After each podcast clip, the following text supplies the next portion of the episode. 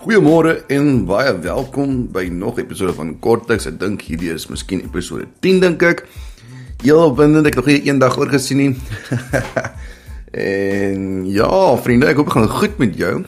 Ek hoop dat jy 'n lekker nagrus gehad het. Ek het baie lekker geslaap vir 'n slag, so dis dis wonderlik.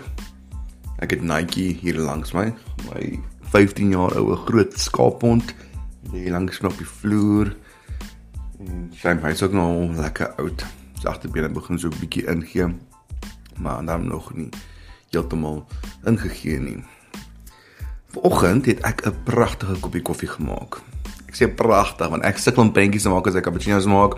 Ek het so 'n klein cappuccino masjien by die huis en ek het vanoggend 'n mooi blommetjie wat ook al mense dit noem reg gekry. Uh, my vrou sê dit lyk meer soos 'n kersboom. ek weet nie, maar ek was so op opgewonde gewees ek sou later verander oor die kerk 'n foto moet stuur en vir hom te wys. Um, maar dit was dit was baie mooi gewees. Maar ja, so vanoggend se teks. Wat het ek vanoggend gelees? Vanoggend het ek 'n bietjie Markus 3 gelees. Markus 3. Daar gebeur eintlik baie in Markus 3. Ehm um, Jesus maak mense gesond, hy het uit demone uit. Die Fariseërs het hom met 'n valkoog dop en hulle wil hom graag uitvang. Ons het voor 'n bietjie daaroor gepraat. Maar wat my oog gevang het was in die begin van hoofstuk 4, 'n bekende gedeelte van die gelykenis van die saaiër. Die gelykenis van die saaiër en ons lees hierso in Markus 4 vers 3 waar Jesus sê die volgende, hy sê luister hier. 'n Saaiër het eendag gaan saai. Met die saai het 'n deel van die saad op die pad geval. En voels het gekom en het opgepik. 'n Ander deel daarvan het op 'n klipbank, klipbank geval waar daar nie baie grond was nie. Dit het gehou gekom omdat die grond nie diep was nie. Maar toe die son warm word, is dit verskroei. En omdat dit nie wortel geskiet het nie, het dit verdroog. 'n Ander deel het tussen die onkruid geval. Die onkruid het opgekom en dit laat verstik. En dit het nie saad geskiet nie. Die ander saad het in goeie grond geval en dit opgekom, gegroei en 'n oes gelewer. Party het 30voudig gedra, ander 60 en nog ander 100voudig. En dan sê Jesus verder het gesê wie ore het en kan hoor, moet luister.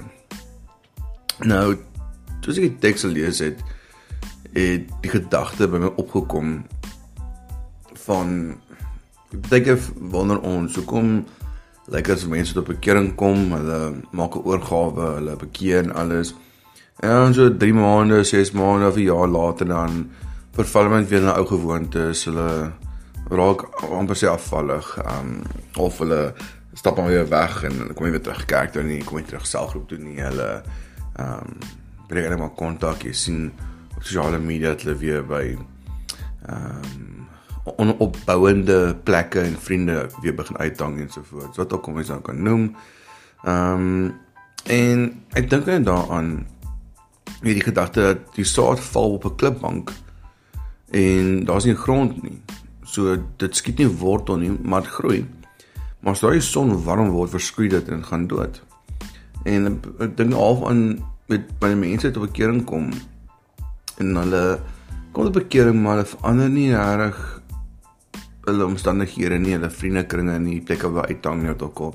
So die invloed wat hulle het is nie noodwendig so goed nie. En dan begin hulle met die tyd weer terugval in ou gewoontes, ou patrone. Maar ook hierso waar dit amper asof die, uh, iemand hoor die evangelie en hulle hou van wat hulle hoor, maar dit skiet nie dit skiet nie wortel nie. Dit def nie dit bereik nie daai volle realisasiepunt punt nie. En sodra die lewe moeilik raak, sodra dinge dinge weer die lewe begin druk, dan hulle in of hulle gee op. Ek ek weet nie, dit is is 'n paar ehm um, gedeeltes wat hier so van gepraat word in die teks, 'n paar situasies. Die ander ene sê die ehm um, val tussen onkruid. Onkruid kom op en verstik dit. Die saad skiet en jy weet in ehm um, dit verstik die saad of, of die um, die koring. En half ook soos ag ek weet nie. Dit was dit is vir hartseer, dit is vir hartseer wanneer mense in die kerk is en daar buite en jy stap op pad mense, jy sien jy probeer mense by die Here uitkry.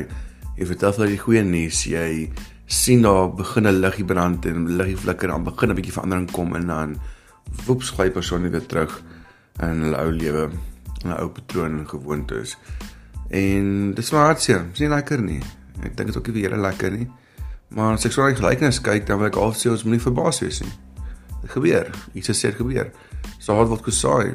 Dit val verskillende grond, verskillende plekke. Party plekke gaan dit oes dra, ander keer gaan nie oes dra nie.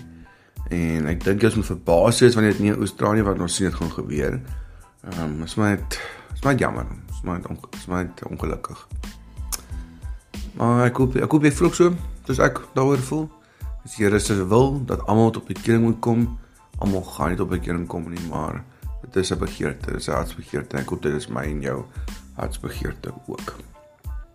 Mag jy 'n mooi dag hê en mag jy die Here se naam verhoog by die werk of as jy studeer of by skool is waar jy jouself bevind en mag jy net meer en meer bewus wees van die Here se liefde en sy genade en sy teenwoordigheid en mag hy jou ryklik seën.